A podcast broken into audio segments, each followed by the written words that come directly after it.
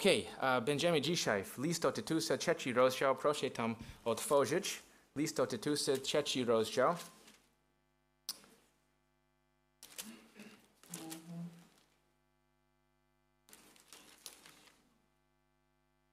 Pomódlmy się. Panie, dziękujemy za ten dzień i dziękujemy, że mamy ten czas razem i prosimy o Twoje błogosławieństwo jak czytamy pismo i jak myślimy o tym, co to znaczy, jak możemy to zastosować do naszego życia dzisiaj. Prosimy, Panie, żeby Duch Święty otworzył nasze oczy i żebyśmy żyli inaczej z powodu tego, co widzimy w tekście dzisiaj od Słowa Bożego. I wiemy, że to jest od Ciebie do nas na dzisiaj więc pomóż nam, Panie. Prosimy to w imieniu Jezusa Chrystusa. Amen. List do Tytusa, trzeci rozdział od pierwszego wersetu do dziewiątego jest tak napisane. Przypominaj im, aby z wiernością i władzą byli poddani i posłuszni, gotowi do każdego dobrego uczynku, nikomu nie ubliżali, nie byli kłótliwi, ale uprzejmi, okazujący wszelką łagodność wobec wszystkich ludzi Niegdyś bowiem i my byliśmy głupi, oporni, błądzący, służący rozmaitym pożądliwościom i rozkoszom, żyjący w złośliwości, zazdrości, nienawidzeni i nienawidzący jedni drugich. Lecz gdy się obja objawiła dobro czy miłość Boga, naszego Zbawiciela, względem ludzi, nie z uczynku sprawiedliwości, które my spełniliśmy, ale według swego miłosierdzia zbawił nas przez obmycie, odrodzenie i odnowienie Ducha Świętego, którego wylał na nas obficie przez Jezusa Chrystusa, naszego Zbawiciela, abyśmy usprawiedliwieni Jego łaską stali się dziedzicami zgodnie z nadzieją życia wiecznego. Wiarygodne to słowo i chcę, abyś o tym, o tym zapewniał, żeby ci, którzy uwierzyli Bogu, zabiegali o celowanie w dobrych uczynkach. Jest to dobry i pożyteczny dla ludzi. Unikaj zaś głupich doczekań, roz, roz, rodowodów, sporów, kłótni i oprawo, są bowiem nieużyteczne i próżne. Pytanie. Dlaczego jesteś w miejscu, w którym jesteś? Każdy ma powód, dla którego robi, co to robi i mam kilka przykładów. Załóżmy, że mają właściwą motywację. Strażak jest, gdzie jest, bo chce ratować ludzi i budynki z pożarów. Policjant jest, gdzie jest, bo chce chronić miasto przed przestępcami. Nauczyciel jest, gdzie jest, bo chce uczyć kolejne pokolenie, jak dobrze myśleć i dobrze pracować. Żołnierz jest, gdzie jest, bo chce walczyć dla swojego kraju i zapewnić, żeby następne pokolenie miało pokój. Biznesmen jest, gdzie jest, bo chce zobaczyć wpływ i zysk jego firmy. Inżynier jest, gdzie jest, bo chce zaprojektować budynki piękne i praktyczne. Ale teraz pytanie, dlaczego jesteśmy, gdzie jesteśmy tutaj jako Kościół? Dla jakiego celu Pan Bóg nas zbawił i zostawił na ziemi? Dlaczego zaplanował, żeby pochwycenie nie było indywidualne od razu po nawróceniu? Byłoby ciekawe, nie? Tak jak wierzę i uff, nie ma go. Oto jest odpowiedź. Jesteś tu, by chwalić Panu. W tym masz zrobić konsekwentnie dobre uczynki, tak jak jest napisane w drugim rozdziale e, list, listu do Efezjan, który Bóg wcześniej przygotował, abyśmy w nich postępowali. Kiedy robimy te dobre uczynki, one są pomocne dla, dla nas w wykonywaniu naszej misji na ziemi. A jaka jest nasza misja? To czynić uczniami, tak jak Jezus powiedział. Idźcie więc, powiedział, idźcie więc, nauczając, na, na, nauczaj, nauczajcie wszystkie narody, chrząść je w imię Ojca i Syna i Ducha Świętego. Jeśli jesteś, jesteś chrześcijaninem, to znaczy, że Pan Bóg chce i wymaga, żebyś wypełniał misję ewangelizacyjną na świecie. Tak bije serca listu do Tytusa.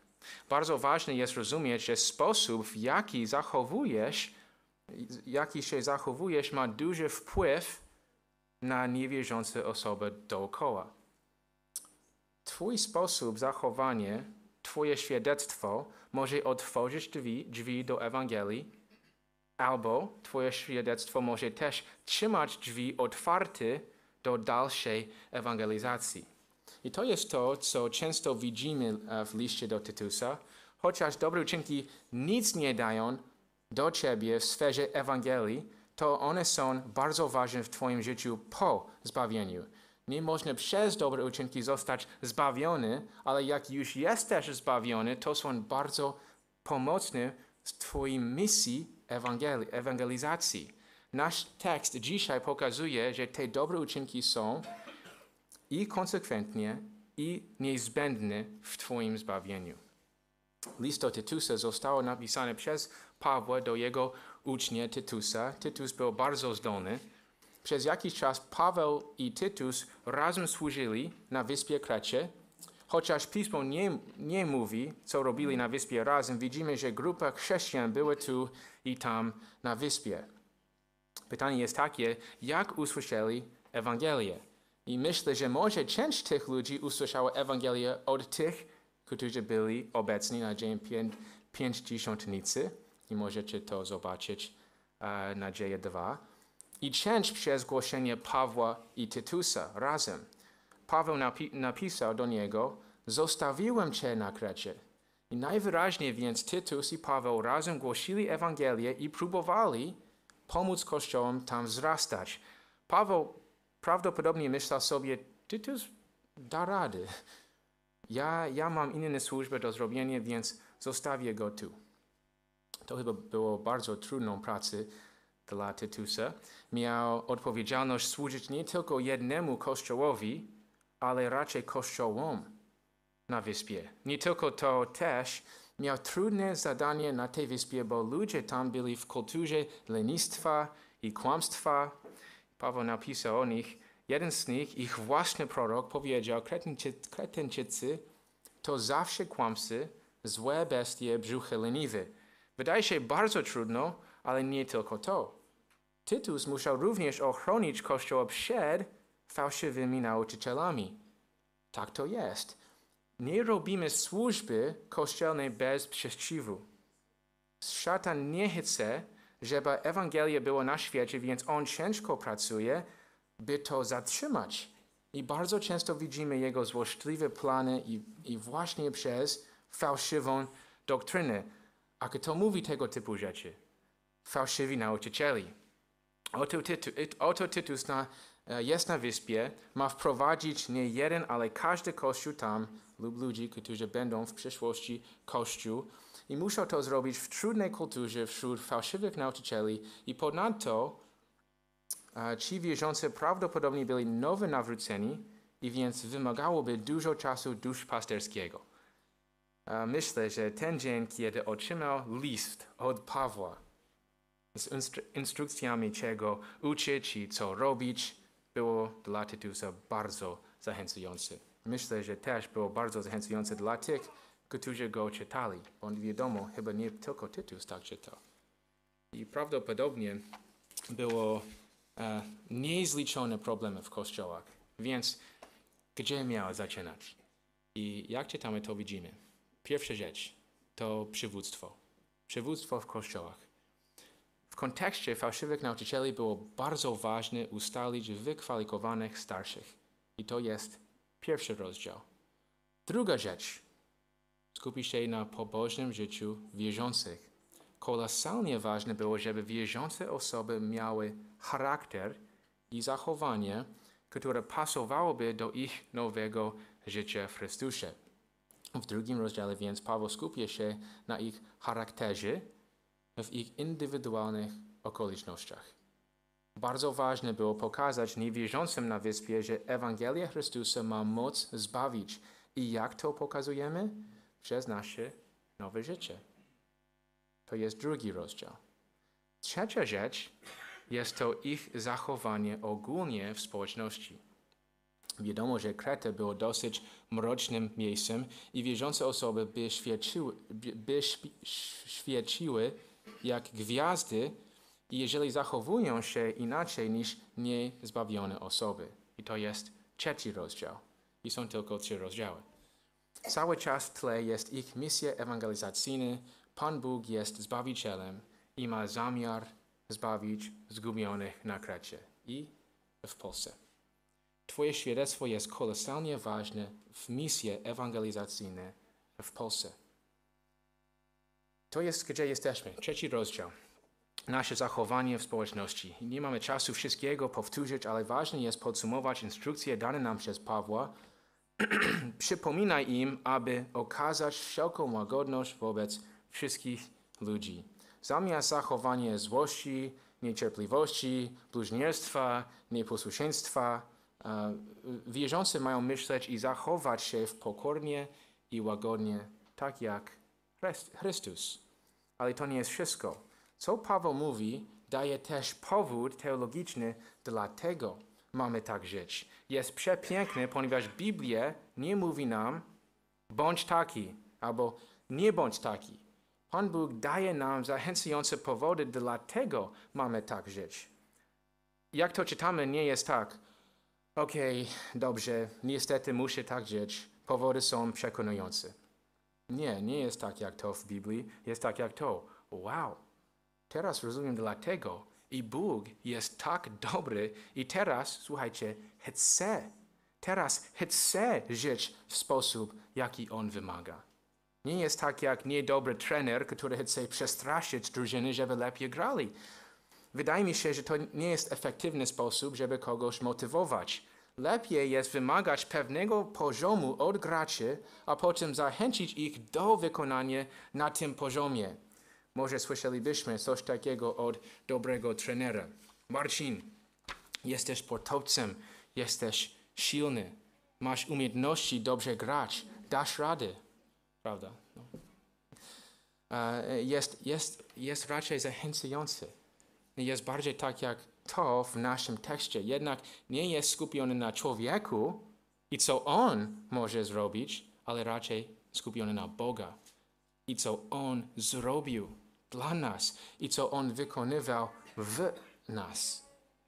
Jakie są te powody? Dlatego musimy żyć łagodnie i pobożnie w społeczności szybkie powtórzenie.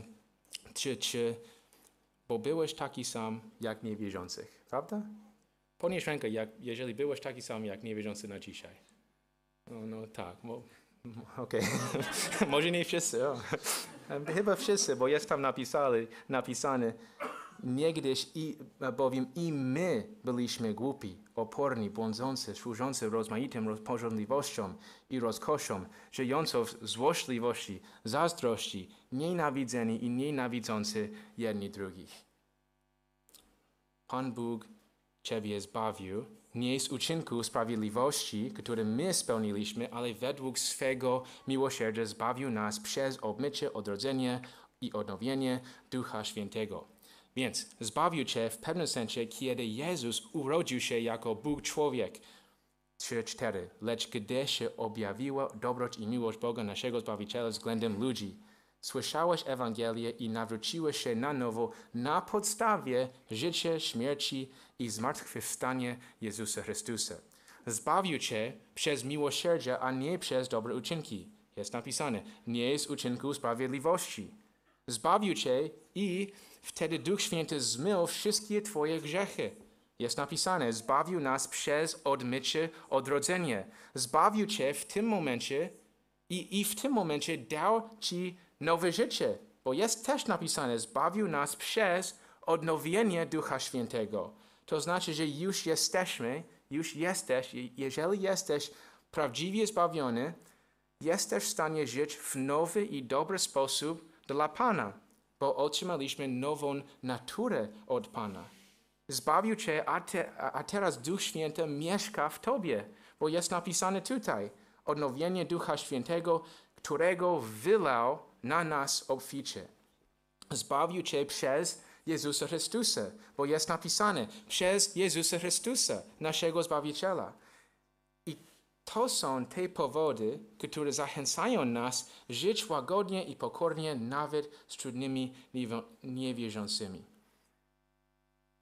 Jeżeli Pan Bóg jest tak dobry wobec nas, to możemy, musimy i chcemy żyć pobożnie i łagodnie wobec niewierzących, bo On jest tak dobry i my chcielibyś, chcielibyśmy być wdzięczni i chcielibyśmy żyć tak jak Jezus, bo On jest nasz Panem. Chciałbym podkreślić, że jak mówię zbawił Cię, raz i je- jeszcze raz, zbawił Cię, zbawił Cię, to dotyczy do Ciebie tylko jeżeli narodziłeś się na nowo. Nie, nie wszyscy są zbawieni. I zakładam, że nie wszyscy są zbawieni tutaj, w tej sali. Tak naprawdę tylko nieliczni są zbawieni ogólnie.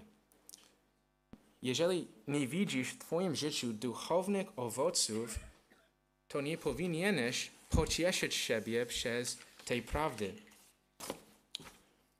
Raczej musisz pamiętać, że Pan Bóg jest Zbawicielem i nawet teraz On woła do Ciebie. Jak, gdzie, gdzie jesteś? Gdzie siedzisz teraz? On woła do Ciebie, żebyś nawrócił się do Niego. Dla Ciebie jest wspaniałą wiadomość, że Pan Bóg może Cię zbawić, to nie przez Twoje zachowanie, ale przez Jego Syna, Jezusa. Musisz po prostu przyjść do Niego w wierze i Go śledzić. Łaską możesz być zbawiony przez wiarę i On tylko jest w stanie Cię zbawić. Uwierz, jest napisane w Biblii, uwierz w Pana Jezusa Chrystusa, a będziesz zbawiony. Można to zrobić tu i teraz. Po prostu nawróć się od wszelkiego grzechu i do Chrystusa pójść.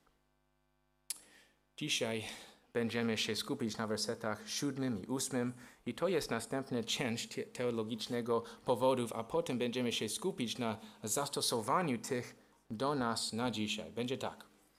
Po pierwsze, okaż, o, okaż życzliwość, bo jesteś dziedzicem, a potem, po drugie, upewnij się, że stosujesz tej prawdy w swoim życiu. Okaż życzliwość, bo jesteś dziedzicem i upewnij się, że stosujesz tej prawdy w swoim życiu. Po pierwsze, okaż życzliwość, bo jesteś dziedzicem. Ósmy werset, przepraszam, siódmy werset. Abyśmy usprawiedliwieni Jego łaską stali się dziedzicami zgodnie z nadzieją życia wiecznego. Teraz Paweł skupi się na rezultacie naszego zbawienia, abyśmy stali się dziedzicami. To jest rezultat, dlatego jesteśmy zbawieni. Ale najpierw Paweł coś podkreśla, abyśmy usprawiedliwieni Jego łaską stali się dziedzicami.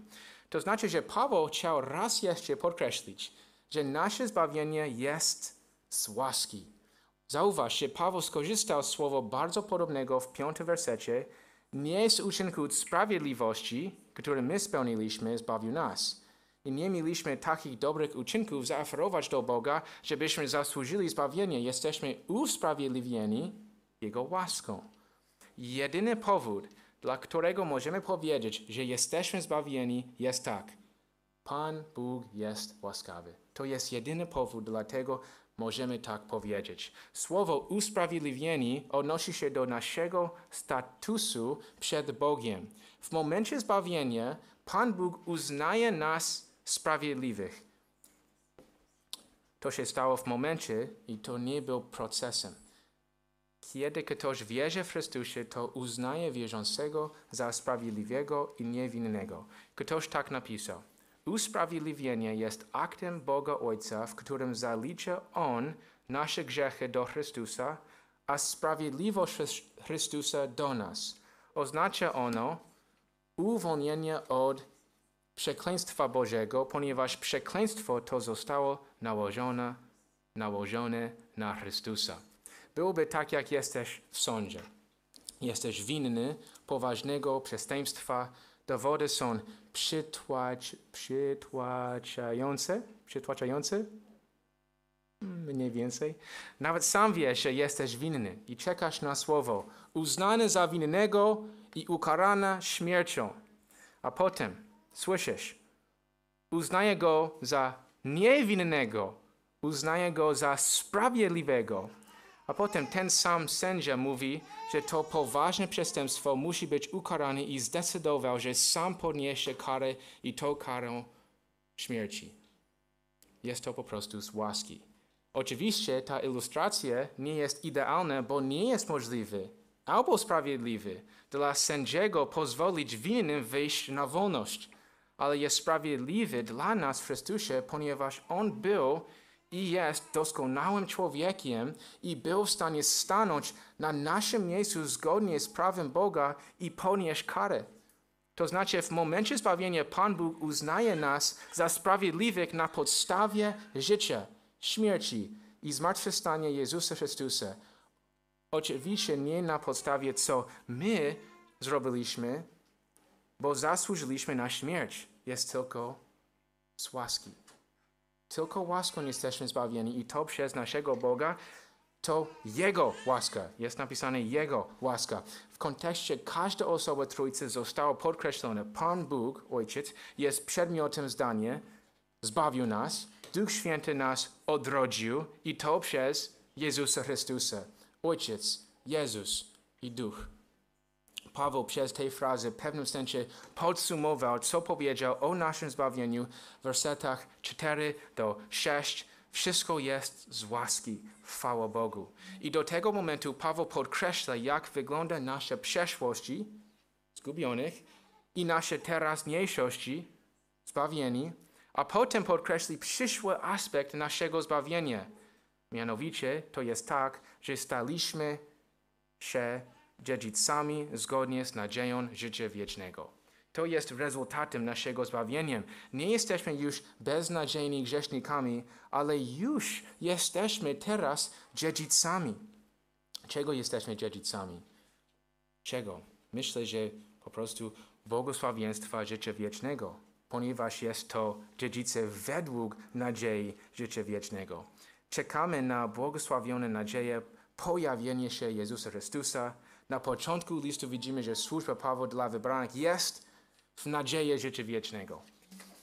Zasad, zasadniczo, zasadniczo odziedziczyliśmy życie wieczne teraz, ale pełne błogosławieństwo takiego życia objawi się później, szczególnie podczas powtórnego przejścia Chrystusa. I co więc odziedziczymy? Być może Paweł myśli o nowych ciałach, doskonałej sprawiedliwości, bliskości z trójjedynym Bogiem, nagrodach, błogim uwielbieniu, doskonałej społeczności ze sobą nawzajem, cieszeniu się odnowion, odnowionym światem pod panowaniem Jezusa, Jezusa i rządzeniem z Chrystusem. To jest zachęcające do tych, którzy teraz cierpią. Twoje cierpienie jest tymczasowe. Jesteś dziedzicem wiecznego życia. Jest to napomnienie do tych, którzy szukają zadowolenia na tym świecie. Jeżeli to ty, to skupiasz się na tym, nie na tym, co w górze, ale na tym, co na ziemi. I to jest motywujące dla nas, jak zmagamy się z trudnymi osobami społeczności. I właśnie to jest główny powód w kontekście, dlatego Paweł tak podkreśli nasze dziedzictwo. Myślenie o przyszłych aspekt Twojego zbawienia zachęci Cię, by łaskawie i łagodnie reagować na grzesznych i trudnych niewierzących. Zauważ, że to jest zgodnie z nadzieją. I nadzieja, nadzieją. W Biblii słowo nadzieja nie jest tak, jak my mówimy o nadziei w rozmowie dzisiaj. Mam nadzieję, że pogoda będzie fajna. Mam nadzieję, że mój samochód, który ma 17 lat, odpali. Mam nadzieję. Mam nadzieję, że mamy masło orzechowe i dżem, bo jestem głodny. I w Biblii nie jest tak. Słowo nadzieja bardziej odnosi się do oczekiwania. Jest to pewne oczekiwanie w Biblii. I wyobraź sobie, że istnieje taki bogaty mężczyzna, że nie wie, co zrobić z jego bogactwem zdecyduje znaleźć ko kogoś, kto potrzebuje pieniędzy. Znajduje młodego człowieka, pracowitego, z rodziną, ale jest mu trudno zapłacić wszystkie rachunki co miesiąc. Ten bogaty człowiek mówi do niego: Ja już odłożyłem na fundusze dla Ciebie i Twojej rodziny. Będę Wam dać więcej niż wystarczająco co miesiąc przez 80 lat. To byłoby hojność, po prostu hojność. I Pan Bóg daje nam nieskończenie więcej, bo jesteś dziedzicami czego? Życia tymczasowego? Nie, życia wiecznego. Wyrał nas z grzechu, trzeci werset, okazał nam miłosierdzie, a nie karę, zmył nasze grzechy, dał nam nowe życie, dał nam swojego ducha, aby żył w nas i uczynił nas dziedzicami do e, nie doczesnego, ale wiecznego dziedzictwa. Galacjan, Galacjan 4:7. Tak więc, już nie jesteś sługą, ale synem, a jeśli synem, to i dziedzicem Bożym przez Chrystusa.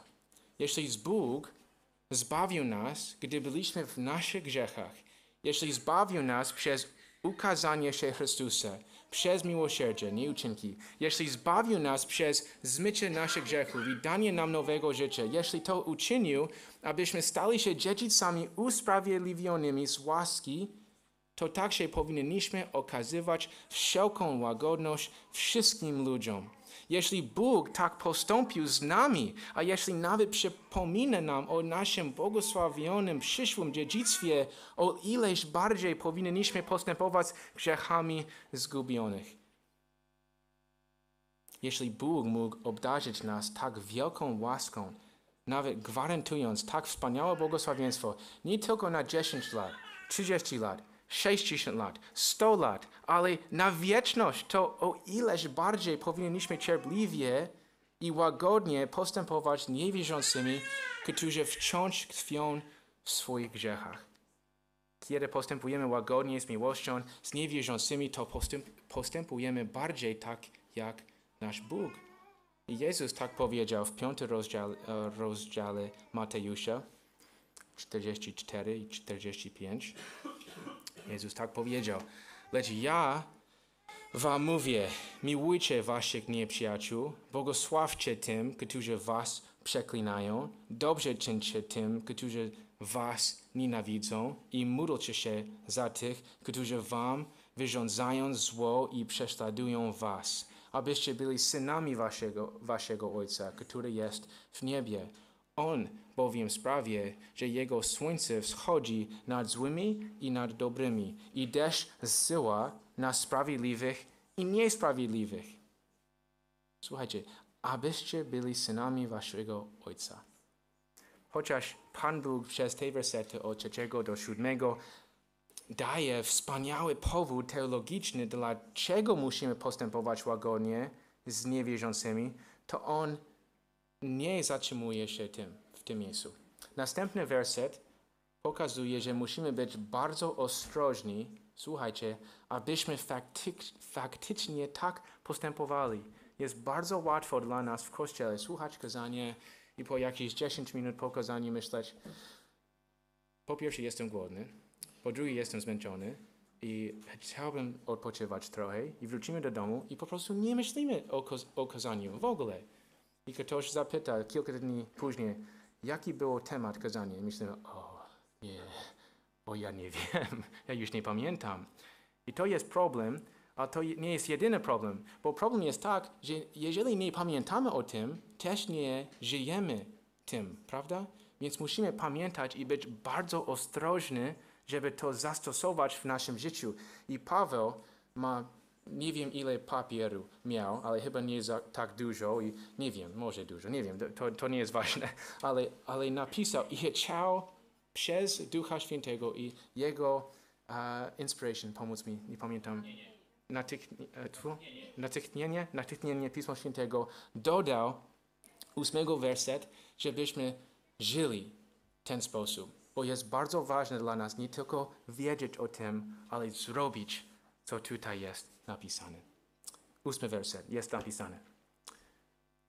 Wiarygodne to słowo i chcę, abyś o tym zapewniał, żeby ci, którzy uwierzyli Bogu, zabiegali o celowanie w dobrych uczynkach.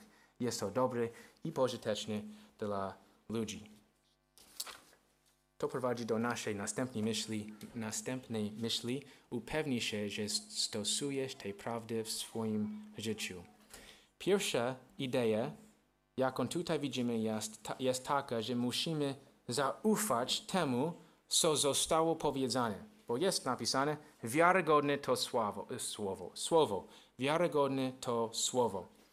Pięć razy w listach, listach do Tymoteusza i do Tytusa nazywamy je listy duszpasterskie. Widzimy słowo, widzimy te słowa, wiarygodne to słowo.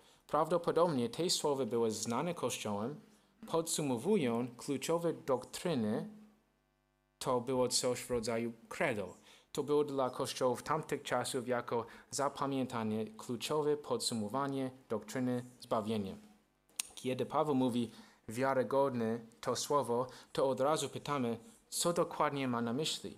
I w kontekście widzimy, że treść od wersetu czwartego do siódmego chyba jest to, co ma na myśli. To jest opis zbawienia. Wiarygodne to słowo jednak nie jest tylko tytułem tych słów. To też odnosi się do faktu, że można im ufać. Ważne jest dla nas rozumieć, że opis zbawienia jest czymś, czemu możesz ufać. Może ktoś tutaj ma wątpliwości co do zbawienia. Czy Pan Bóg naprawdę zbawił, zbawiłby grzesznika takiego jak ja? Tak, bo dobroć i miłość Boga. Czy Jezus naprawdę dokonał wszystkiego, co było konieczne do zbawienia? Tak, bo przez Jezusa Chrystusa, naszego Zbawiciela, jest napisane. Czy naprawdę nie pracujemy na nasze zbawienie? Tak, nie pracujemy nad tym, bo nie jest uczynku sprawiedliwości, jest napisane. Czy, czy, czy grzesznik taki jak ja naprawdę może pójść do nieba? Tak, bo jest napisane, staliśmy się dziedzicami zgodnie z nadzieją życia wiecznego. Czy wszystkie, wszystkie moje grzechy naprawdę mogą zostać zmyte? Tak, bo jest napisane, odmycie odrodzenie. Czy naprawdę mogę otrzymać nowe serce z nowymi pragnieniami i tak dalej? Tak, bo jest napisane odnowienie Ducha Świętego. Oczywiście cały czas możemy ufać wszystkiemu, co jest napisane w Biblii, ale Paweł podkreśla, że trzeba żyć według tych praw opisanych w wersetach 4 do 7, bo są wiarygodne. Paweł podkreśla, że skoro te słowa w wersetach 4 do 7 są wiarygodne, to trzeba żyć z łagodnością z niewierzącymi. Skoro Pan Bóg jest tak łaskawy dla nas, trzeba i my byliśmy łaskawi dla nich. Paweł następnie mówi do Tytusa i chce, abyś o tym zapewniał. Tutaj o tym chodzi o treść um, trzeciego rozdziału, od pierwszego wersetu do siódmego wersetu. I odnosi się do ich charakteru osobistego w społeczności i powód, dlaczego muszą tak żyć. I to jest dosyć osobiście. To jest coś, że Paweł, sługa Boga i apostoł Jezusa Chrystusa, chce jego własny syn we wspólną wierze tak zrobić. Nie było wystarczające dla Tytusa sugerować żyć pobożnie, proponować życie pobożnie, ale musiał o tym mocno mówić i zapewnić, żeby wierzące osoby żyły w sposób zgodny z Ewangelią. Właśnie tutaj chodzi o świadectwo na Krecie, gdzie zwykli ludzie byli bardzo nieprzyjemni. A to, I to jest również takie samo dla nas. Nie jest opcjonalny krok dla nas. Jako wierzące osoby musimy żyć łagodnie i pobożnie wobec niewierzących, nawet wobec trudnych niewierzących. Paweł podkreśla raz i jeszcze raz w tym liście, że pobożne życie koniecznie wychodzi z prawdziwego zbawienia. Po prostu nie ma czegoś takiego, że wierząca osoba nie żyje pobożnie. Następnie mówi o celach tego nauczania. Tytusowi, które również odnoszą się do nas, żeby ci, którzy uwierzyli Bogu, zabiegali o celowanie w dobrych uczynkach. Chodzi tutaj w oryg, oryginal, oryginal, oryginalne, oryginale, oryginalne, że wierzące osoby muszą dużo myśleć o ich zaangażowaniu w wykonaniu dobrych uczynków. Wydaje się, że Paweł ma na myśli, że muszą pamiętać o ich wspaniałym zbawieniu i jak mogą wykonać dobre uczynki. Nie wystarczy im po prostu wiedzieć, że muszą wykonać dobre uczynki wobec niewierzących. Nie mogą jedynie rozumieć, że ich świadectwo w spełnianiu dobrych uczynków jest ważne. Muszą także to zrobić. Więc wydaje się, że powinniśmy zastanowić, zastanowić się również, jak konkretnie, konkretnie możemy wprowadzić nasze życie pełen, pełne dobrych uczynków. Więc rozważmy, jak Pan Bóg nas zbawił i rozważamy, jak konkretnie możemy tak żyć. Wyobraźmy sobie, że Tytus siedzi z niedawno zbawionym bratem Antoni. Antoni, chwała Bogu, że jesteś już zbawiony. Jak długo chodzisz z Panem? Około trzy miesięcy. Tak, jestem bardzo wdzięczny. Tytusie, nie zna, znałeś mnie zanim zostałem chrześcijaninem, ale byłem typowym kretyńczykiem. Pijanym, nieczystym, leniwym. A jak idzie relacja z Panem teraz? Czy widzisz wzrost? Tak, ale tempo jest wolniejsze niż bym chciał. Jestem pewien, że Bóg zmieni mnie w swoim czasie. Antoni, oczywiście to prawda, że Bóg zmieni ci, cię w swoim czasie, ale to nie znaczy, że masz po prostu usiąść i się zrelaksować. Co masz na myśli? Tytus. Wszystko, co mamy, pochodzi od Boga. Przed naszym zbawieniem byliśmy zaangażowani w wszelkiego rodzaju grzechu, nie szukaliśmy Boga, ale On szukał nas. Zbawił nas przez swoje miłosierdzie, ale to nie wszystko. Antoni, co? Co masz na myśli? Czy, czy nie na tym polega zbawienie? Otrzyma zbawienie? Tak, ale obejmuje on, ono również Boga Ducha Świętego, dającego Ci nowe życie. Nie jesteś już taki sam jak wcześniej. To trochę jak szkolenie w rzymskiej armii. Po szkoleniu ten człowiek nie jest cywili, cywilem, ale żołnierzem. Myśli inaczej, działa inaczej, ma nową tożsamość i nowe priorytety. Antoni. I mówi, że to właśnie stało się we mnie, kiedy zostałem chrześcijaninem. Tak, cóż, nie, nie jesteś dosłownie żołnierzem, ale dzięki posłudze Ducha Świętego Twoje grzechy zostały zmyte oraz jesteś nowym stworzeniem w Chrystusie. Bóg zadba o to, byś prowadził nowe życie dla Niego. Na przykład, jak wygląda teraz Twoja ewangelizacja? Trudno powiedzieć. Moja rodzina na przykład rozumie, że coś we mnie zmieniło, ale szczerze mówiąc, trudno jest mówić o Jezusie, żyć dla Niego z nimi. Łatwo jest wrócić do starych nawyków z mojej przeszłości. Antoni, czy zdajesz sobie sprawę, że Bóg postawił Cię w takiej sytuacji, to, co zamierza dla Ciebie zrobić, to mówić o Jezusie Chrystusie i pokazywać, pokazywać im nowe życie, które masz w Nim? Słuchaj, musisz pokazać im, jak wygląda pobożne życie i to na podstawie, co Chrystus zrobił dla Ciebie. Okej, okay. myślę, że rozumiem. Wciąż jestem tu na ziemi, ponieważ Bóg tego ode mnie chce, prawda? Tak. I On mi pomoże. Tak. On będzie działał przez Ciebie. Dobrze, więc po prostu pozwolę Bogu, działa, Bogu działać. Nie. Musisz być zaangażowany w tym, że w pełni służbę Chrystusowi ponownie pomyśl o tym, co On dla Ciebie zrobił. Okej, okay, myślę, że rozumiem. Bóg, Bóg mnie zbawił, Bóg mnie użyje, ale to wymaga ode mnie prawdziwego zaangażowania w ten proces. Tak, to jest to. Więc musisz naprawdę pomyśleć, jak mogę pokazać, jak wielki jest Chrystus do mojej rodziny. Nie wiem. Podam Ci kilka pomysłów. Wybacz im, gdy grzeszyli przeciwko Tobie. Kiedy, kiedy ktoś jest niegrzeczny, bądź miły. Odmawiaj plotkowanie na ich temat. Pomagaj w domu, na przykład przy, przy gotowaniu i dbaj o porządek. Módl się za nich. Dużo rzeczy. Antoni, myślę, że teraz rozumiem. Tak, i, i to nie jest op opcjonalne, Antoni. Bóg zrobił to przez Ciebie, ale Ty musisz to zrobić. To wszystko wychodzi Twojej natury w Chrystusie. To wymaga dużo myślenia o tych prawdach i zastosowania tych prawd. Antoni, okej, okay. chcę tak robić. Tak? Dobrze. Kreta jest mroczna wysp, mroczną wyspą. Musisz tam wyjść i świecić jasnym światłem dla Jezusa. Żyj jak Jezus i mów o Jezusie. Rozumiesz? Rozumiem. Cieszę się, bracie. Wyobraź sobie, co Bóg może zrobić przez ciebie. Czy zauważyłeś, że Paweł mówi, że tych, którzy uwierzyli Bogu, muszą tak myśleć i postarać się wykonać dobre uczynki. Podkreśla raz i jeszcze raz, że nasze zbawienie jest z łaski. Po prostu wierzymy w Nim i ufamy temu, co Chrystus dla nas zrobił. On jest Zbawicielem i nie musimy coś zrobić, aby zyskać zbawienie. Jest z łaski przez wiarę. Paweł jednak podkreśla, że dobre uczynki koniecznie będą obecne pośród tych, którzy prawdziwie uwierzyli.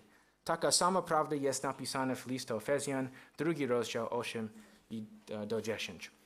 Łaska bowiem jesteście zbawieni przez wiarę i to nie jest was, jest to dar Boga. Nie jest uczynków, aby nikt się nie chlubił. Jesteśmy bowiem Jego dziełem stworzeni w Chrystusie Jezusie do dobrych uczynków, które Bóg wcześniej przygotował, abyśmy w nich postępowali. Paweł dalej stosuje jego myślenie przez słowa jest to dobre i pożyteczne, pożyteczne dla ludzi. To prawdopodobnie odnosi się do wszystkiego, co już mieliśmy w trzecim rozdziale, czyli pobożne życie wobec wierzących i teologiczny powód, dlaczego możemy i musimy tak zrobić. Właśnie tego typu życie jest dobry i pożyteczny dla ludzi. Jakich ludzi ma na myśli tu? Skoro w drugim wersecie powiedział, że musimy okazać łagodność wo wobec wszystkich ludzi, w tym kontekście do niewierzących, to znaczy, że Paweł bardziej na, ma na myśli tutaj niewierzące osoby w ósmym wersecie też.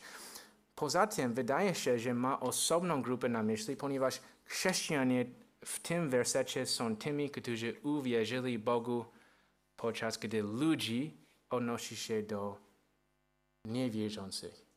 I dlaczego to jest ważne? Bo Paweł bezpośrednio mówi teraz, co było wcześniej mocno sugerowane. A co to jest?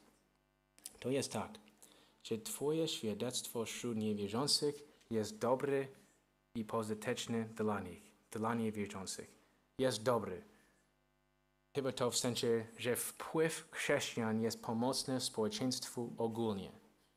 Jezus nam powiedział, Mateusz 5 i 13, Wy jesteście solą ziemi, lecz jeśli sól zwietrzeje, czym ją posolą?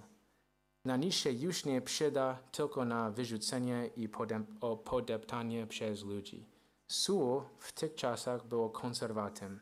Bez lodówek i zamrażarek ludzie korzystali z soli, aby zachować żywność do jedzenia. W podobnym sensie chrześcijanie są tymi, którzy zachowują moralność kultury na świecie. Na świecie. Twoje świadectwo jako chrześcijanina pomoże w tym. Jest również pożyteczny dla ludzi. Co może to znaczyć? Między innymi, między innymi chyba podkreśla, że świadectwo chrześcijan jest czymś pozytycznym w sprawie zbawienia zgubionych. Pamiętajmy, że to jest centralnym punktem tej księgi nasze pobożne życie i zbawienie zgubionych. Dla mnie jest tak zachęcający. Jeżeli chodzi o mnie i zastosowanie w moim życiu, to ja mam inne okoliczności, jak wy macie, prawda? Um, na przykład czasami ludzie mówią, jeżeli chcielibyśmy być bardzo zaangażowani w ewangelizacji, to powinniśmy grać sport. Albo powinniśmy wprowadzić jakiś klub w mieście. I to są dobre pomysły. Ja osobiście nie mogę tak zrobić, bo mamy ograniczenie okoliczności i ja muszę często być w domu, bo trudno jest dla Kryści być sama w domu z dziećmi. Więc co ja mogę robić? Nie grać sport, ale ja mogę zaprosić niewierzących do mojego domu na obiad na przykład. I to jest jeden, zastos jeden, jedno zastosowanie dla mnie z tego tekstu. I możecie zapytać mnie za jakieś dwa tygodnie czy coś, Kyle, czy już zaprosiłeś niewierzących do Twojego domu? Bo to jest możliwość dla mnie budować relacje z nimi i okazać łagodność i i, i okazać miłość do nich. dużo z was pracujecie um, wśród niewierzących. Ja nie. Bo Tomek z Tomkiem pracuje um, w kościele często. Czasami niewierzących bywają tutaj, ale często jest z wierzącymi. Ale wy macie okoliczności, które ja nie mam. Ja nie mam taka, takie okoliczności, jak wy macie być 8 godzin codziennie w biurze z niewi- niewierzącymi osobami. Więc musicie pomyśleć, jak to zastosowanie działa w Twoim życiu, w Twoich okolicznościach.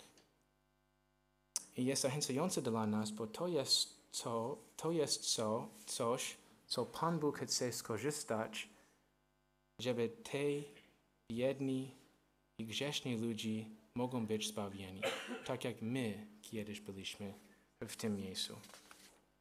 Nie traćcie więc ducha w stosunku do niezbawionych członków rodziny i przyjaciół. Prowadźcie przed nimi pobożne życie. Odpowiedź nim, im o swoim Zbawicielu. Módl się o nich i zobaczymy, co Pan Bóg będzie przez nas robić. Pamiętamy, że Pan Bóg jest tak łaskawy dla nas i działajmy przez Niego i dla Niego. Polska potrzebuje Ewangelii tak jak Kreta potrzebowała Ewangelii w czasach Tytusa. Wy jesteście, my jesteśmy częścią planu Boga dla ich zbawienia. To jest wspaniałe. Jesteśmy częścią planu Boga dla ich zbawienia. I musimy, możemy i chcemy żyć w sposób pobożny dla zbawienia tych potrzebujących, zgubionych ludzi. Okażmy im współczucie, jakie Pan okazał nam. Ostatni werset, Mateusz 5 i 16. Pan Jezus powiedział, tak niech wasza światłość świeci przed ludźmi, aby widzieli wasze dobre uczynki i chwalili waszego Ojca, który jest w niebie. Pomódlmy się.